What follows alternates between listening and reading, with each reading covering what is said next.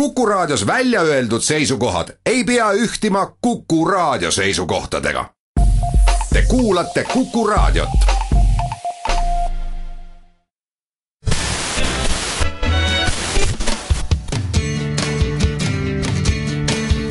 Radio Talsinki. Radio Talsinki ja unikaalsed Eesti lood toob teieni Solosokos Hotel Estoria. Radio Talsinki Tervetuloa jälleen Radio Talsinki-ohjelman pariin ja Kukkuradion aaloille. Rossin Timon kanssa täällä Tapio Reini. Tervetuloa meitä kuuntelemaan. Tällä kertaa meillä on aikamoinen aihe tässä käsittelyssä, nimittäin Katrin Koritsin haastattelu Fertilas yksityissairaalan osalta ja, ja tuota, tulee varmasti jakamaan kyllä mielipiteitä tai puhuttamaan tämä aihe, nimittäin – 20 minuutin haastattelu tulossa tosiaankin Katrinilta. Minkälaisia sairaalakokemuksia sinulla yleensä on ollut tuota Timo? No tuommoisena 14-vuotiaana niin olin tosiaan tuolla Jyväskylän keskussairaalassa ja se alkoi alko semmoista sulfakuurista, mikä on niinku penisiliina ja vastaava, tai onko kuuluuko se niihin, ja meni tuo vatsa ihan verille ja suolisto kaikki, ja tota, vietiin sitten Konneveen terveyskeskuksesta ambulanssilla kiireesti sinne ja siellä sitten leikattiin umpisuolaa pois ja muuta ja kivut oli semmoiset, että, että ei mitään rajaa. Ja kyllä siinäkin jotakin tapahtui, koska tota, sitä röntgeniä ootellessa ne käräs mut tonne siivouskaappiin, siivouskomeroon. Siellä oli moppeja vaikka mitä tota, ja sinne ottaa vuoroa ja sitten jossain vaiheessa kun mä siellä kärvistelin, niin tuli joku ilmeisesti joku apuhoitaja tai joku, että mitä sä täällä teet. Ja sitten lähdettiin kiireesti leikkaussalle. Joo, minun on leikattu kaksi kertaa, on leikattu nielurisat ja kitarisat, kun meinasin pikkupoikana tukehtua tuolla Porisairaalassa ja tuota, molemmat leikkaukset meni hyvin ja sitten tuota, suonet leikattiin myöskin toisesta jalasta Rauman sairaalassa ja sekin meni ihan hyvin, eli Eli ihan hy- hyviä tuota kokemuksia mulla on Suomen puolella leikkauksista. No, tu- tuo mun kokemus oli nyt varmaan joku ihme vahinko, mutta ja kiireestä johtui, ja eikä siinä nyt varmaan sitten ka- kauan keretty olemaan siellä kopissa. Aika vaan meni niin nope- hitaasti, kun kivut oli niin valtavat. Niin. No, Kaikki sen jälkeen meni kyllä ihan ok, että ei mitään, ja sain, sain tarvittavat kipulääkkeet aina kun tarvittiin. Kyllä, kyllä itse olen käynyt täällä äh, Virossa lääkäreissä monta kertaa ja minulla ei ole mitään valittamista tästä sairaanhoidosta. Ja sillä tavalla, että äh, perhelääkäri on ollut tosi mukava, hyvä ja pätevä ja sitten ohjannut aina eteenpäin, jos, jos on tarvinnut parempaa tuota, äh, tutkimusta tai tietoa niin erikoislääkäreille ja mm. se on mennyt ihan hyvin, mutta tämä Katrin Kooritsin kokemus ei kyllä tuota, siltä kuulosta. Nyt kun kuuntelette tämä haastattelu, niin se on melkoinen juttu kyllä. Ja tuota, otamme tämän esille siitä syystä, että, että suomalaiset ihmiset osaisivat ottaa sitten huomioon nämä asiat, mitä tässäkin käydään tuota lävitse. Tuota, lainaan tässä Suomen Kuvalehden juttua, mi- miten suhtautuu yleensä Juha Hernesniemi, huippu neurokirurgi ja huippu, huippumies muutenkin, jota, joka on myöskin tuota, ulkomailta häntä on seurattu erittäin paljon ja otan otteen tästä hänen Suomen Kuvalehden kirjoituksesta, jonka Elina Järvinen on tehnyt 23.12.2016 2016 Juha Hernesniemi. Ja tuota, ää, juttu itsessään on pitkä ja sen voi käydä lukemassa, miten kirurgi ää, tuota, yleensä pitäisi suhtautua asioihin ja analysoi näitä mm, kirurgisia asioita aika laajasti. Ja tämä on tosiaankin vain yksi ote, minkä nyt teille luen. Vuonna 1980 Hernesniemi otti käyttöön uuden tavan.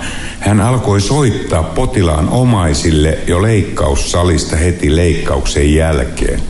Vielä 1980-luvulla neurokirurgiset leikkaukset kestivät paljon kauemmin kuin nykyään. Ei ollut mitenkään poikkeuksellista, että aivokasvainta leikattiin yhdeksän tuntia nyt viidenkin tunnin operaatio on pitkä. Omaiset odottelivat, soittivat huolestuneina hoitajille ja noisivat tietoa mitä tahansa.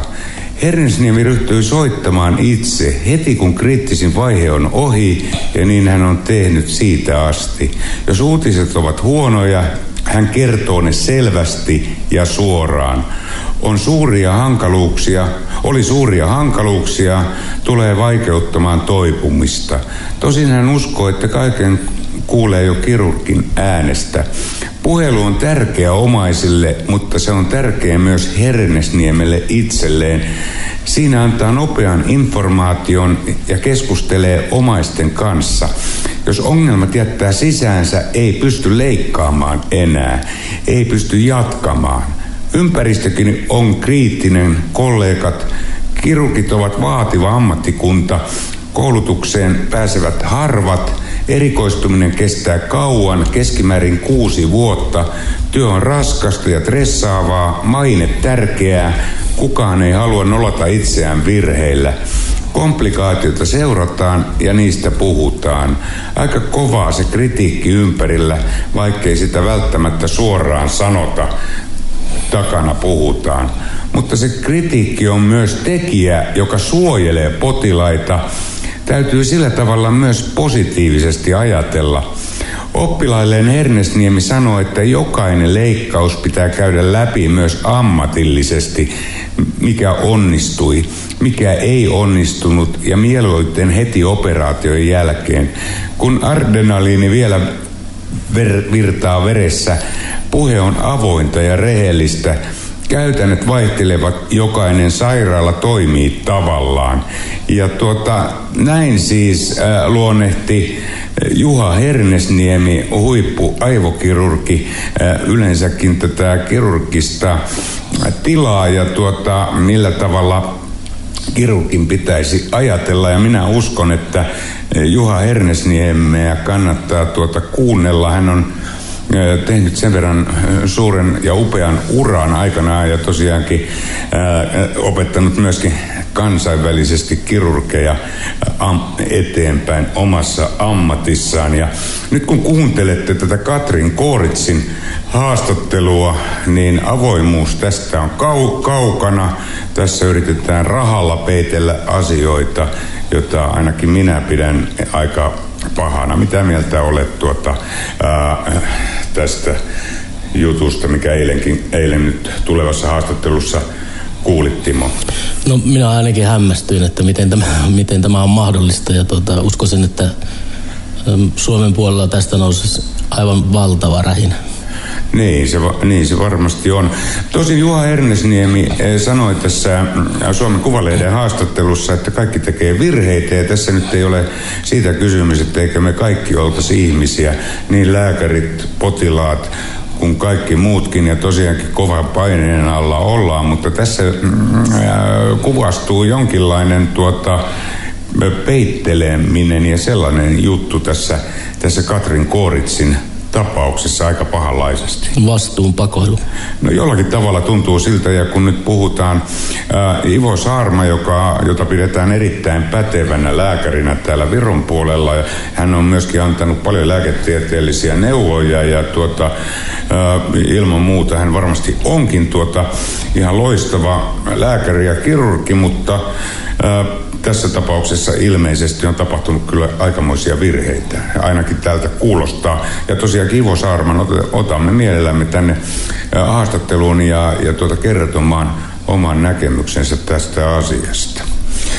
Tällaisia tuota tuntoja tällä hetkellä ja, ja jätetään kuulijoiden tuota, mietittäväksi sitten eteenpäin, kun ovat kuunnelleet tämän haastattelun, että mitäs mieltä he sitten ovatkaan tästä asiasta ja seurataan tilanne. Kuunnellaan tähän väliin kuitenkin Suvi Teräsniskan Hento Kuiskauskappale ja sen jälkeen pidetään pieni tauko ja lähdetään Katrin Kooritsin haastattelun pariin.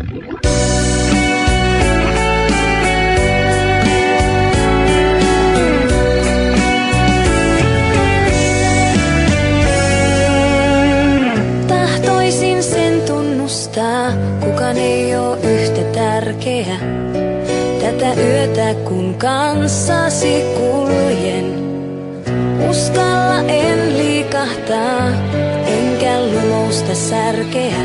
Kaiken muun tästä huoneesta suljen. Iho muistaa jokaisen kosketuksen. Mieli noiden sanojen merkityksen. Sydän viimein ymmärtää kaipauksen. Ja niistä jokainen tahtoo lisää.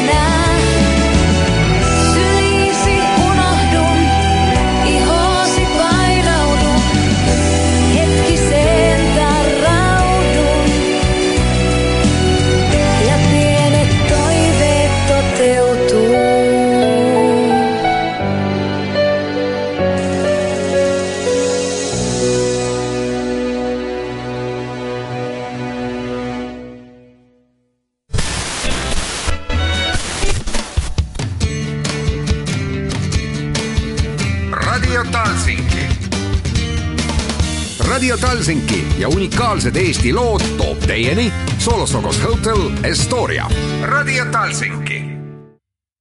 Palataanpa tauolta ja Katrin Kooritsin haastattelun pariin ja laitetaanpa tämä nyt kuulolle teille kaikille. Tällä kertaa meillä täällä Radio Talsinkin lähetyksessä on eräs niin sanottu ongelmatapaus tai on muodostunut ongelmatapaukseksi Fertilitas sairaalan osalta ja Katri Koorits on meillä täällä haastattelussa ja kertomassa, mitä hänelle oikein siellä sairaalassa tapahtui. Tervetuloa Katri meidän lähetykseen. Kiitos. Tuota, kerrotko omiin sanoin, mistä tässä on kysymys? Päivälehtihän tästä jo kirjoittikin tuota artikkelin, mutta koko artikkeli ei ollut meidän nähtävissämme, koska me maksa sitä päivälehden tuota, tuota lukuoikeutta, niin käydäänpä läpi sinun kanssasi, että mistä tässä asiassa oikein on kysymys. Viime vuonna oli naisten lääkärissä ja hän huomasi, että mulla on kasvain, joka pitää leikata mahdollisimman nopeasti pois. Ja hän suositteli, että jos on vaan mahdollista, niin mennä yksityissairaalaan, koska silloin jono on paljon lyhyempi ja silloin pääsee heti leikkaukseen. Ja olin sitten valmis maksamaan 155 euroa ja se tietenkin leikkaus on paljon kalliimpi täällä paikallinen haikekassa, eli kansaneläkelaitos maksaa sen loppuosan siitä. Ja Fertilitas AS sairaalaan sitten suositeltiin ja sanottiin vielä, että sen sairaalan pääkirurgi tai omistaja Ivo Saarmaa leikkaa, että saat hyvän lääkärin, että kaikki menee hyvin. Ja suunnilleen kaksi viikkoa aikaa ennen kuin pääsee leikkaukseen. Sitten soitin sinne sairaalaan, kysyin, että milloin tuun näyttämään itseeni lääkärille ennen leikkausta. Ja silloin sitten sairaalassa henkilökunta sanoi, että samana päivänä ennen leikkausta niin lääkäri katsoo teidät ja tekee tutkimuksen. No kuinka siinä sitten kävi? No siinä kävi sillä tavalla, että kolmas päivä kuudetta, jolloin leikkaus oli suunniteltu, meni heti aamulla aikaisin sinne paikalle, että lääkärillä olisi tarpeeksi aikaa katsoa mut. Ja sitten kysyi, että milloin lääkäri tutkii minut. Sitten sairaanhoitaja sanoi, että kun hänellä on aikaa, että odotellaan tässä rauhallisesti. Ja leikkaus piti olla kello yhden aikoihin, ja sitten kello alkoi tulla 12, ei lääkäri kuulu. Sitten he sanoivat, että tässä tuli nyt yksi kiireinen tapaus välillä, että hän kyllä tulee sen leikkauksen jälkeen uudestaan sitten katsomaan teidät ja sitten, sitten on teidän vuoro, teidän leikkaus. Ja sitten lääkäri tuli ja sitten sanoi, että aletaan valmistella leikkausta. Ja mä kysyin, että voisitteko te katsoa, mutta että milloin te katsotte ja tarkistatte, mutta että, että missä se on ja mitenkä sitten, miten te leikkaatte. No hän sanoi, että tämä on että ei mene kauan, että hän on tehnyt näitä tosi paljon ja hän tekee aukkojen kautta, että tämä on nopea, nopea juttu, että tänään on keskiviikko, voi olla perjantaina pääsette kotiin ja ensi viikolla on ihan, ette muista edes, että on mitään leikkauksia ollut. Mä kysyn, että ettekö te voisi kuitenkin katsoa mua, että se kasvain on tosi suuri, että mun naisten lääkäri just sanoi, että se on pahassa paikassa. Hän sanoi, että ei hän, hänellä on kaikki paperit olemassa, ei tässä mitään, että kyllä hän osaa hommansa. Sitten mä sanoin, että joo, että ei, ei siinä olekaan mitään, että, mutta että jos tuntuu, että se on vaikea tapaus, niin mä oon kyllä valmis, että te leikkaatte sitten vatsan auki, että teette sitten ää, avoleikkauksella sen. Hän sanoi, että ei tarvitse, ei tarvitse, kyllä hän pääsee näillä aukoilla oikein hyvin. Eli lääkäri ei ollut sitten tuota valmis, valmistautumaan tähän leikkaukseen millään muulla tavalla kuin papereiden kautta. Saanko oikean käsityksen? Joo, kyllä. Hän sanoi, että hänellä on paperit olemassa, niiden mukaan hän pystyy leikkauksen tekemään. Ja se onkin kaikki. Et vaikka mä monta kertaa kysyin, että eikö voisi nyt kuitenkin katsoa mua, niin hän sanoi, että ei hän tarvitse, hänellä on paperit olemassa. Ja sitten vaan melkein, kun hän oli jo niinku kävelemässä pois, niin hän sanoi, että joo, muuten tässä leikkauksessa on sitten joskus käy sillä tavalla, että tota, ei saada niinku, kauniisti leikattu, että sitten pitää niinku alakautta ottaa sitten se kasvain pois, että siinä voi sitten mennä tietenkin toi, äh, pieni hetki, mikä sen nimi nyt on? Niin, että sitten hän sanoi tässä, että ihan muina miehinä ennen kuin hän alkoi kävellä siitä pois, että joo muuten tässä leikkauksessa joskus voi käydä sillä tavalla, että se kasvain on niin suuri, että hän ei pysty sitä kunnolla ottaa pois sieltä niistä aukoista, että sitten tässä menee kohdun kaula myös samalla. Mä sanoin, että mut mä en kyllä niin kuin haluaisi, että mulla mitään kohdun kaulaa otetaan pois. Hän sanoi, että no se nyt sitten nähdään, mitenkä siinä, siinä on. Ja sitten hän käveli pois. Ja sitten mua valmisteltiin lääkäriin leikkausta, leikkausta varten ja vietiinkin sitten sinne ää, nukutusosastolle. Niin, että sinua on oikeastaan kuunneltu. Tuota, sanottiin, että katsotaan nyt sitten, ensin ei tutkita, tutkitaanko papereiden kautta ja sitten sinun toivomuksesi tavallaan niin kuin ohitettiin tässä asiassa, tässä kohdunkaula poistamisasiassa. Miten sinne sitten kävi, poistettiinko tämä kohdunkaula? Joo, sitten leikkauksen jälkeen mä olin siellä äh, heräämössä ja sitten mä huomasin, että sairaanhoitaja oli aika hermostuneen olonen, mutta hän sitten sanoi, että kaikki, kaikki on ihan hyvin, mutta että leikkaus meni vähän kauemmin kuin oli ajateltu, että mm, kaksi tuntia piti kestää suunnilleen, mutta nyt kesti paljon enemmän aikaa. Mutta kaikki on ihan hyvin. Ja sitten mä nukahdin uudestaan. Sitten jonkun, en tiedä kuinka kauan nukuin. Sitten seuraavaksi heräsin uudestaan. Sitten sairaanhoitaja oli tosi hermostuneen oloinen. Ja sitten tuli sairaanho- tai lääkärikin tuli siihen. Ja sitten lääkäri sanoi, että kaikki on oikein hyvin. Mutta tuota, leikkaus kesti paljon kauemmin. Että se oli nyt tosi, tosi niin kuin, äh, raskas leikkaus. Ja, ja nyt kävi kyllä niin, että se kohdunkaulakin otettiin teiltä pois järkyttävää kuultavaa. Ensin ei tutkita asioita ennen leikkausta eikä valmistauduta siihen, kun ainoastaan papereiden kautta. Ja sen jälkeen tuota, ei uskota myöskään sinun ensimmäistä lääkäriäsi, että leikkauksesta tulee raskas. Kuka sinut sitten leikkasi? Ivo Saarmaa, joka fertiilittas yksityissairaalan yksi omistajista ja yksi päälääkäreistä. Ja häntähän on pidetty y- ykseistin parhaista lääkäreistä ja siihen minäkin luulin. Mutta että tietenkin mä ymmärrän, että kaikki ihmiset on epätäydellisiä ja voihan sitä vahinkoja sattuu. Mutta nyt sitten ei tässä olekaan kysymys siitä, että se oli vaikeampi se leikkaus kuin hän ajatteli, mutta se, että ei ollut valmistauduttu ja miten sitten asia hoidettiin sen jälkeen, kun huomattiin, että olikin FIPA tapahtunut. Eli tota, sitten hän sanoi, että jos mä oon suostuni, niin mut viedään toiseen sairaalaan, koska heillä ei ole tässä sairaalassa laitteita, jolla pystyy tarkistamaan sen, että onko teillä kaikki kunnossa. Mutta siltikin hän sanoi, että kaikki on ihan hyvin rouva, kaikki on ihan hyvin, mutta varmuuden vuoksi lähetetäänkö teidät toiseen sairaalaan. No tietenkin siinä tilanteessa eihän mitään muuta osaa sanoa, että ilman muuta lähettäkää toiseen sairaalaan. Ja se oli yöllä ja sitten heti tuli ambulanssi ja Viimsistä, jossa tämä sairaala on, niin on suunnilleen puoli tuntia matkaa keskustaan, jossa nämä suuret sairaalat on. Ja sitten mua kiidätettiin jo, jos ajatellaan sitä, että me oli just leikattu, niin vatsa auki, niin sillä ambulanssilla vietiin sitten toiseen sairaalaan. Ja sanotaan, että kaikki on hyvin. No kyllähän hän yritti sillä tavalla niin kuin rauhoitella mua. No, mitä sitten tapahtui?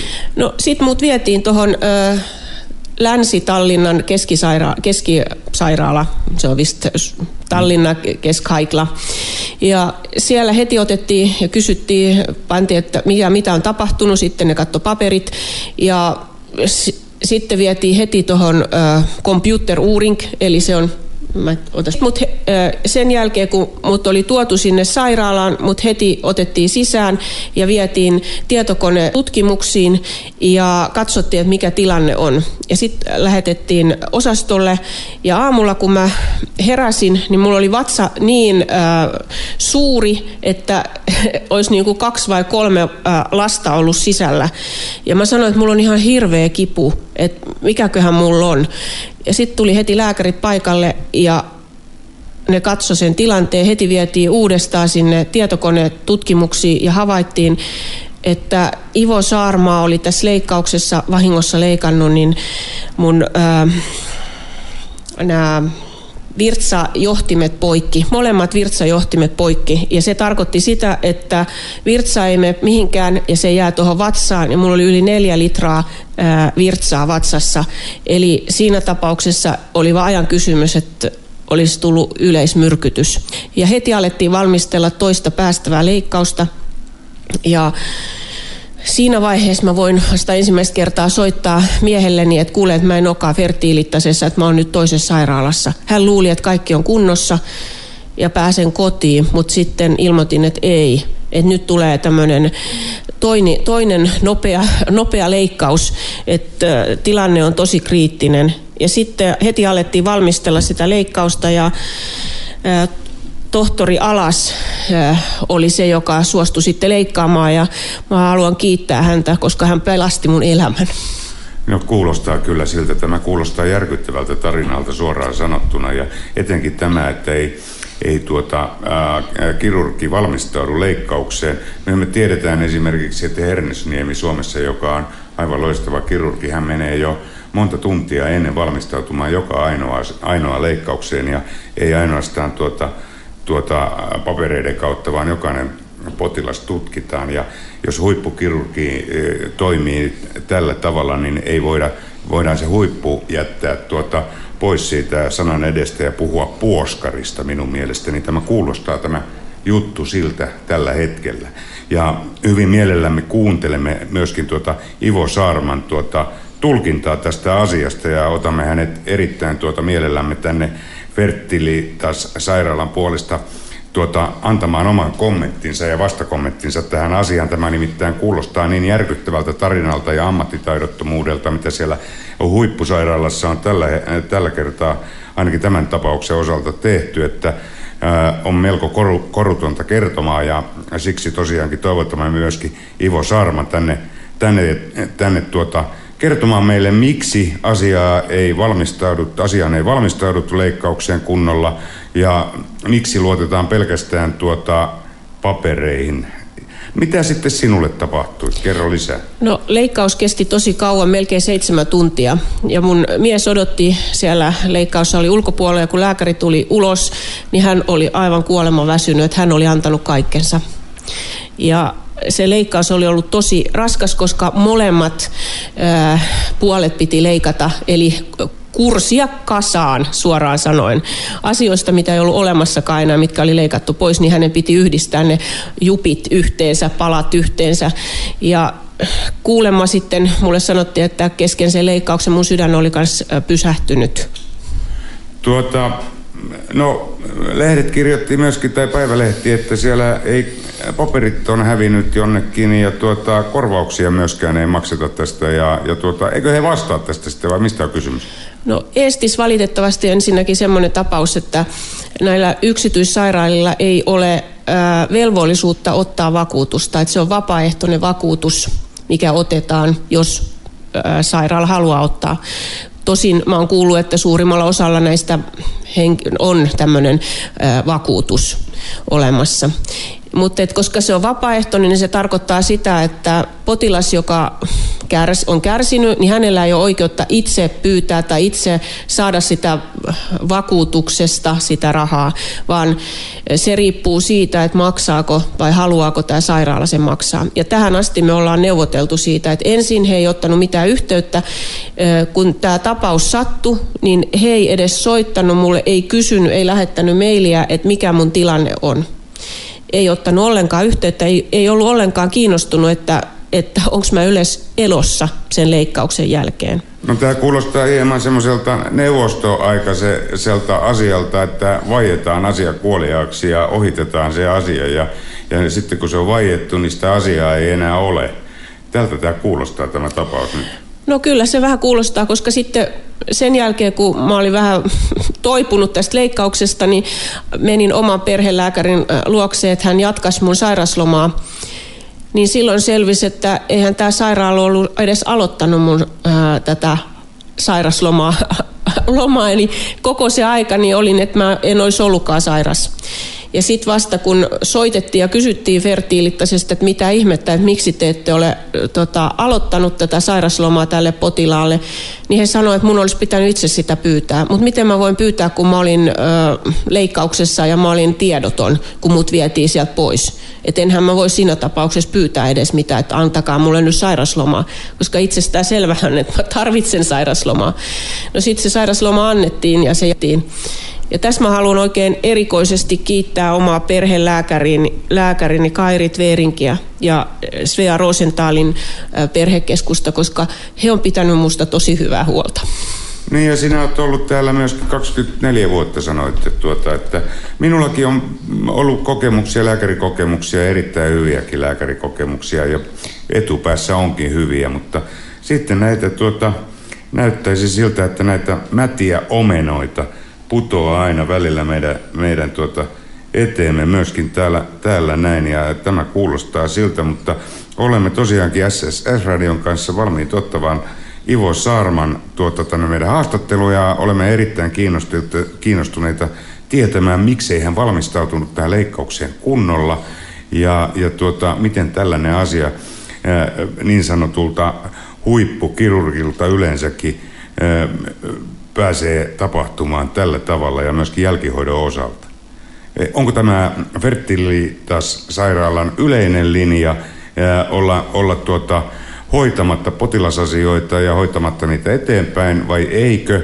Meitä kiinnostaa tämä asia erittäin paljon ja tietysti myöskin Katri Koritsia, joka tuota, on, on siellä leikkauksessa ollut. No, tuota, onko sinulla Katri jotain sanottavaa tästä vielä? Kerro tuota omin sano. No siinä mielessä niin kuin huomaa sen, että ei ole oikein hyvää asiakaspalvelua. Että jos olisi heti otettu yhteyttä, niin silloin olisi itselläkin paljon parempi mieli, mutta tosiaan tässä jäi semmoinen tunne, että tämmöinen tapaus, niin viskataan vaan pois sairaalasta ja sitten mikä on pois edestä, niin se on pois mielestä kanssa. Ja sitten kun mä syksyllä kysyin, että hei, että voisinko mä saada jotain hyvitystä edes niistä lääkekuluista, niin ensin tuntui, että ei niinku mitään vastata. Sitten lopulta oltiin valmiit neuvottelemaan. Sitten he ilmoittivat, että heillä onkin se vakuutus sitten vasta ilmoitettiin, että vakuutus, mutta että mulla pitää kaikki laput ja tsekit olla olemassa.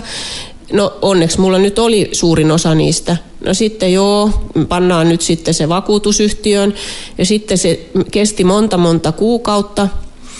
No siinä vaiheessa sitten mä otin itse jo yhteyttä sinne IF-kinklustuseen ja siellä selvisi, että he on myönteisesti suhtautunut tähän, että he, heidän mielestään kaikki jo pitäisi olla kunnossa. Ja sen jälkeen sitten tuli, se oli maaliskuussa, niin tuli semmoinen meili, jossa äh, sairaala sanoi semmoisen, että jos mä oon valmis kirjoittamaan semmoisen sopimuksen, että he maksaa mulle tietyn könttisumman, joka ei ole edes suuri, ja sen jälkeen mä en saa puhua tästä asiasta ja kaikki on niin kuin unohdettu. No enhän mä voi siihen suostua, koska mulla on vielä tälläkin hetkellä niin sanotaanko tämä asia puolelle. Mä syön koko ajan lääkkeitä, mulla on kipuja, eikä tässä vielä tiedetä, että mihin tämä asia niin kuin päättyy. Että miten toivottavasti päättyy hyvin, mutta että mun oma lääkäri sanoi, että voi olla vuosi puolitoista ennen kuin tiedetään, että toimiiko nämä putket nyt kunnolla. Tuota, voinko kysyä, että kuinka suuresta summasta noin puhutaan, mitä Fertilitas tarjosi? No pikkusen alle 5000. Että jos ajatellaan tämmöinen, niin se leikkaus maksoi suunnilleen saman verran, mitä haikekassa, eli tämä paikallinen ö, kansaneläkelaitos maksaa niille siitä leikkauksesta. Et ei, ole, ei ole suurista summista kysymys. Eli tuota, leikataan virtsajohtimet poikki ja, ja sitten tuota, aiheutetaan ihmiselle tuskaa, vaivaa ja tuota, melkein hengenmeno ja se maksaisi sitten 5000 ja pitäkää suunne kiinni ja lähtekää ovesta ulos. Tämäkö on Fertilitas äh, tuota, sairaalan linja? Tämän, tämän asian haluan kuulla Ivo Saarmalta. Ja tuota, kerro myöskin sinne sairaalaan, varmasti kuuntelette tätä ohjelmaa, että tämä ohjelma leviää 130 eri maahan ja tuota myöskin yli Eestin. Eli tuota, tämä on sellainen asia, johon me on pakko ottaa kantaa ja, ja me otamme siihen kantaan. Ja seurataan tätä tilannetta myöskin, että millä tavalla tämä tilanne kehittyy. Ja tuota, mitä sinä itse haluaisit, Katri, ää, miten sinä haluaisit, että tämä asia kehittyisi eteenpäin?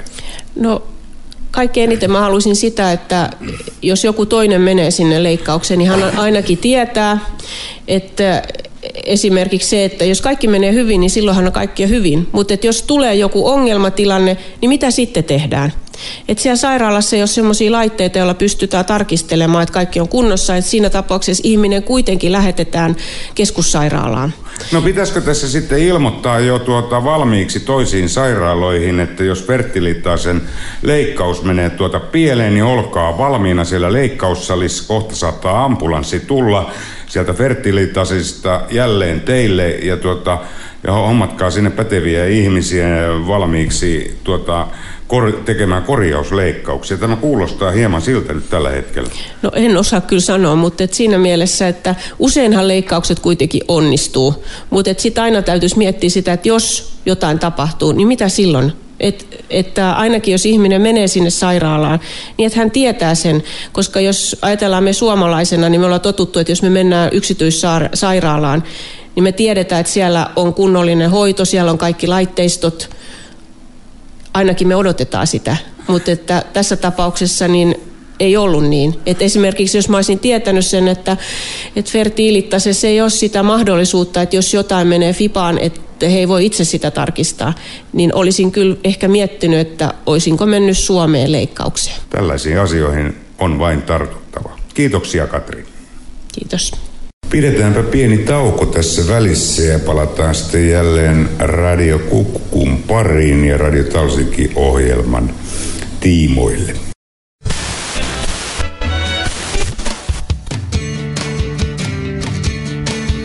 Radio Talsinki. Radio Talsinki ja unikaalsed Eesti lood toob teieni Solosokos Hotel Estoria. Radio Talsinki. Radio Talsikin ohjelman parissa jatketaan. Studiossa Timo Rossi ja Tapio Reini ja nyt laitetaan tuota, jollakin tavalla tuli tällainen biisi tuosta mieleen, kun tuota haastattelua kuunneltiin oikein eestiläisittäin tehty hieno kappale kultaiselta triolta.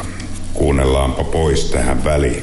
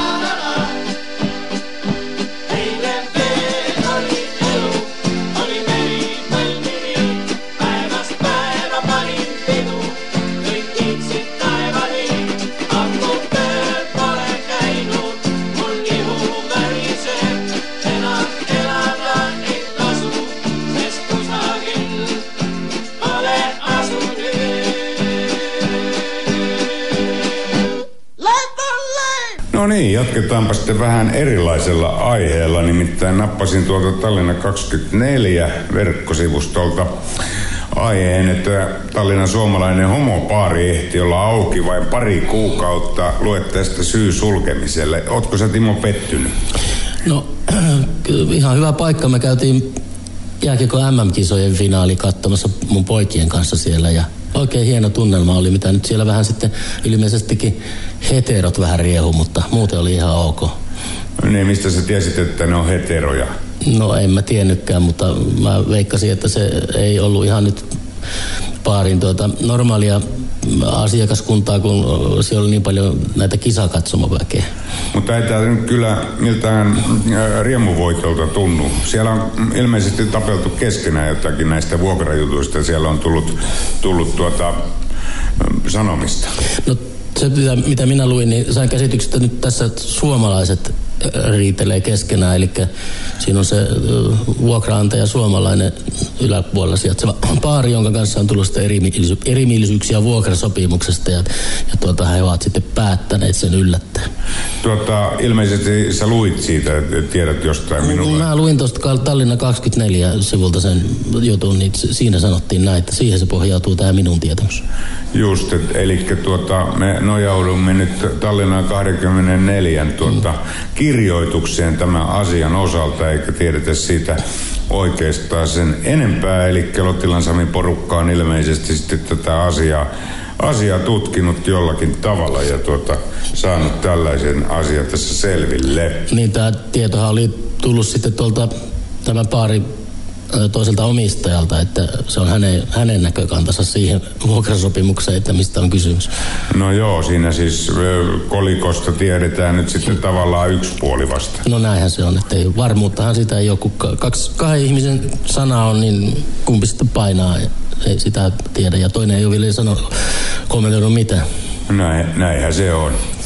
Joo, ei siinä mitään sitten, taisi nyt jäädä sitten tuota minulta se vierailu siellä tekemättä ainakin toistaiseksi, jos ei sitten aukaista toista tuollaista paikkaa ja en päässyt sinne sitten tutustumaan, olin liian hidas. Kaksi kuukautta kuulostaa kyllä aika lyhyelle ajalle, mutta näitähän nyt sattuu aina silloin tällöin, ja kun ei taustoja tiedetä niin hyvin, niin mm. mitäs siinä? Mennään eteenpäin. Me ollaan saatu nyt aamupläjäykseen sitten yksi uusi ö, juontaja, nainen tänne, nainen. Joo, Vilmas Lisevski saatiin tuota, meille mukaan tekemään radio-ohjelma aamupäivisin aina kun ehti. Niin, aina kun ehti, ja kyllähän Vilma varmaan ihan hyvin ehti, että tai siis tämän viikon, kuluvan viikon Vilma on vielä tärkeitä asioita hoitamassa siellä kotipuolessa ja perheasioita. Ja sitten seuraavalla viikolla Vilma on jo mukana ja, ja nyt kun meille tämä analoginen ää, taajuus 92.4 alkaa, niin Vilma tulee sitten myöskin mukaan meidän lähetyksimme aina kun ehtii sinne aamulähetyksiin tulemaan ja muihinkin lähetyksiin, että katsotaan sitten miten. Ja, mutta Vilman kanssa eikö mä pärjännyt aika hyvin aamulla? No ihan, ihan hyvin pärjäsit, että tuota, pidit, osa, osasit pitää puolessa. No joo, kyllä.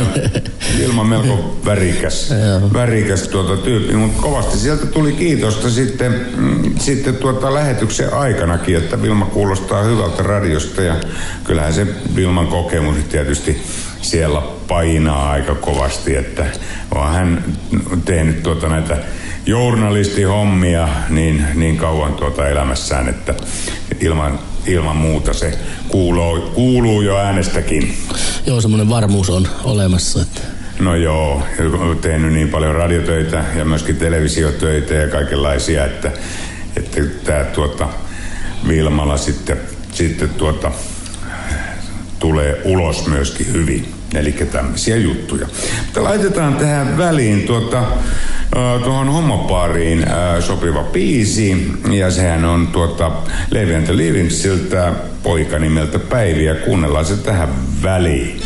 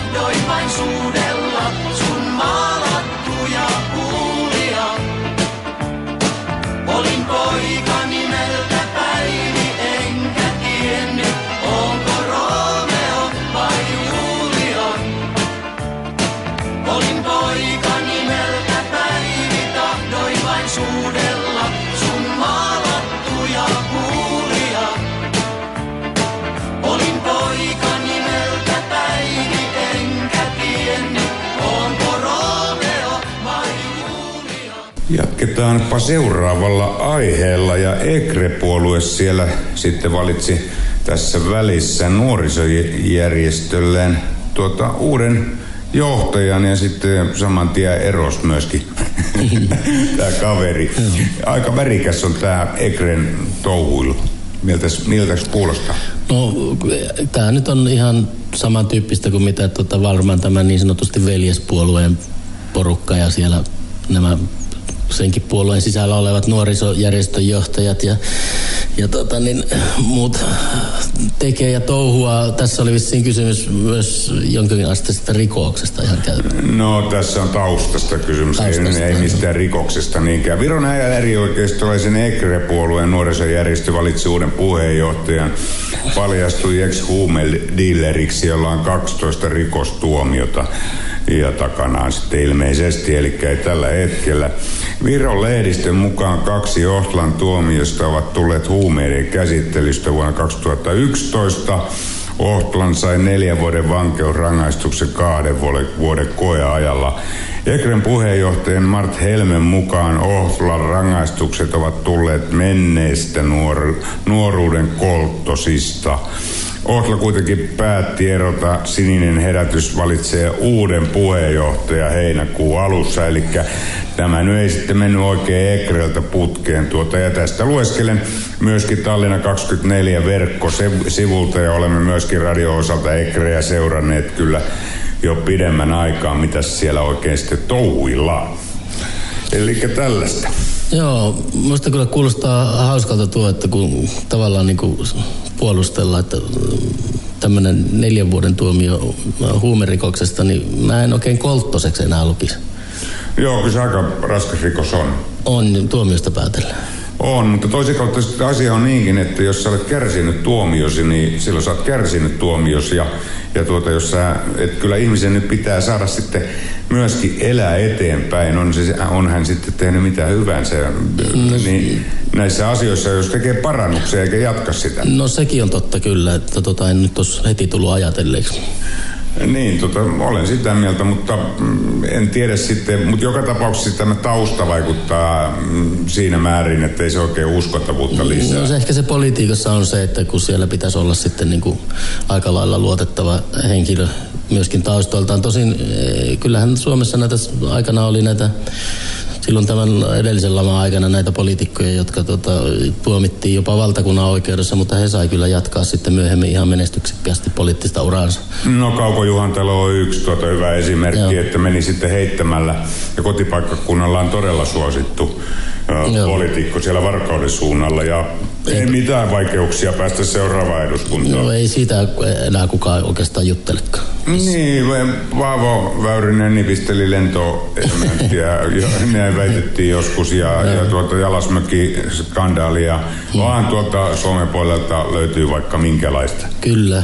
Mutta ei toi nyt ihan tuota, mä muistan, että yhtään olisi valittu kyllä, jolla olisi ollut 12 huumetuomiota. No se saattaa olla vähän hankala niin kuin siinä vaalivaiheessa.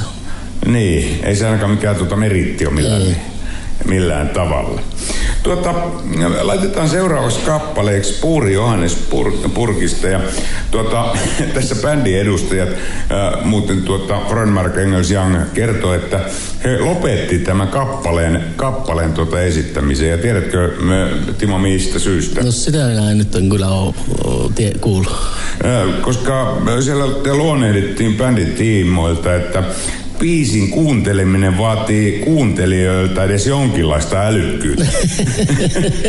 Joo, niin siis sarkasmihan tämä on, vai mitä se Joo, siitä se johtuu, että se täytyisi olla niinku jonkunnäköistä älykkyyttä, kun kuuntelee heidän biisiä ja, ja tota, osata lukea rivien välistä. Joo, se ilmeisesti tuomittiin rasistiseksi, vaikka oli päinvastainen tarkoitus. No samahan se oli, kato tämä näitä Irvinin, Irvinin ja Veksi Salmi biisi, niin hekin kiros sitä, että Niin. ja ulos lakupellet ja kaikki, jotka viidakossa on Mm. grillannut helle, niin, niin tuota, Veksi Salmi myöskin sitä on sanonut, että hän ei ole sellaista biisiä koskaan tehnytkään, kun hän olisi tiennyt, että, että kansa ottaa sen aivan mm. väärin. Ehkä siinä oli väärä kohderyhmä. No oli kyllä. voi, voi, voi olla, mutta kuunnellaan nyt tämä Puuri Johannes Purkista tähän väliin ja, ja tuota, ajatelkaa, ajatelkaa vähän, että se on tosiaankin sarkasmia tämä biisi.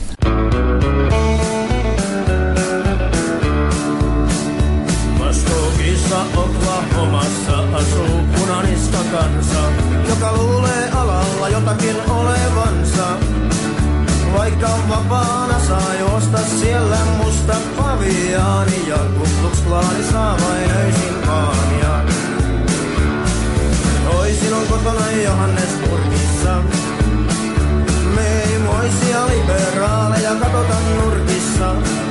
Sillä me puurit olemme miehiä ja me miehinä aiomme kuolla.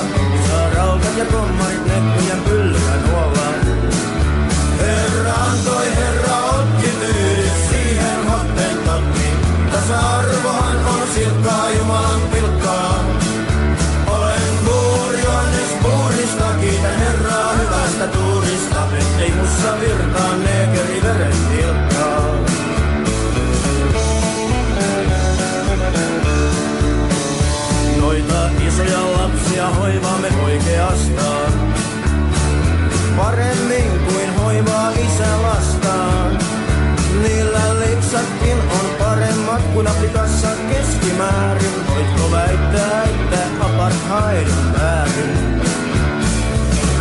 Velkaisen vain muuhun Afrikkaan. Kai kafferit sotkis tämänkin maan rikkaan.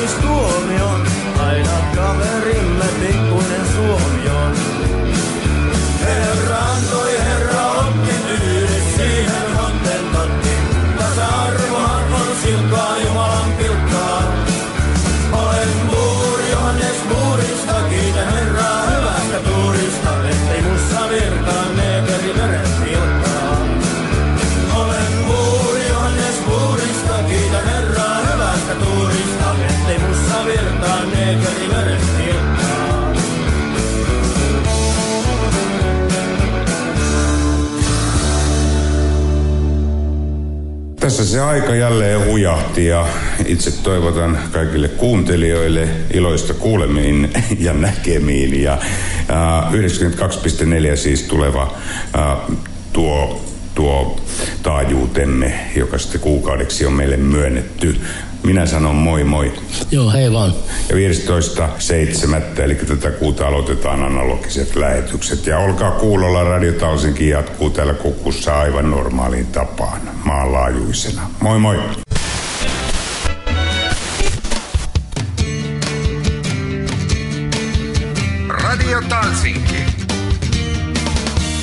Radio Talsinki ja unikaalsed Eesti lood toob teieni Solosokos Hotel Estoria.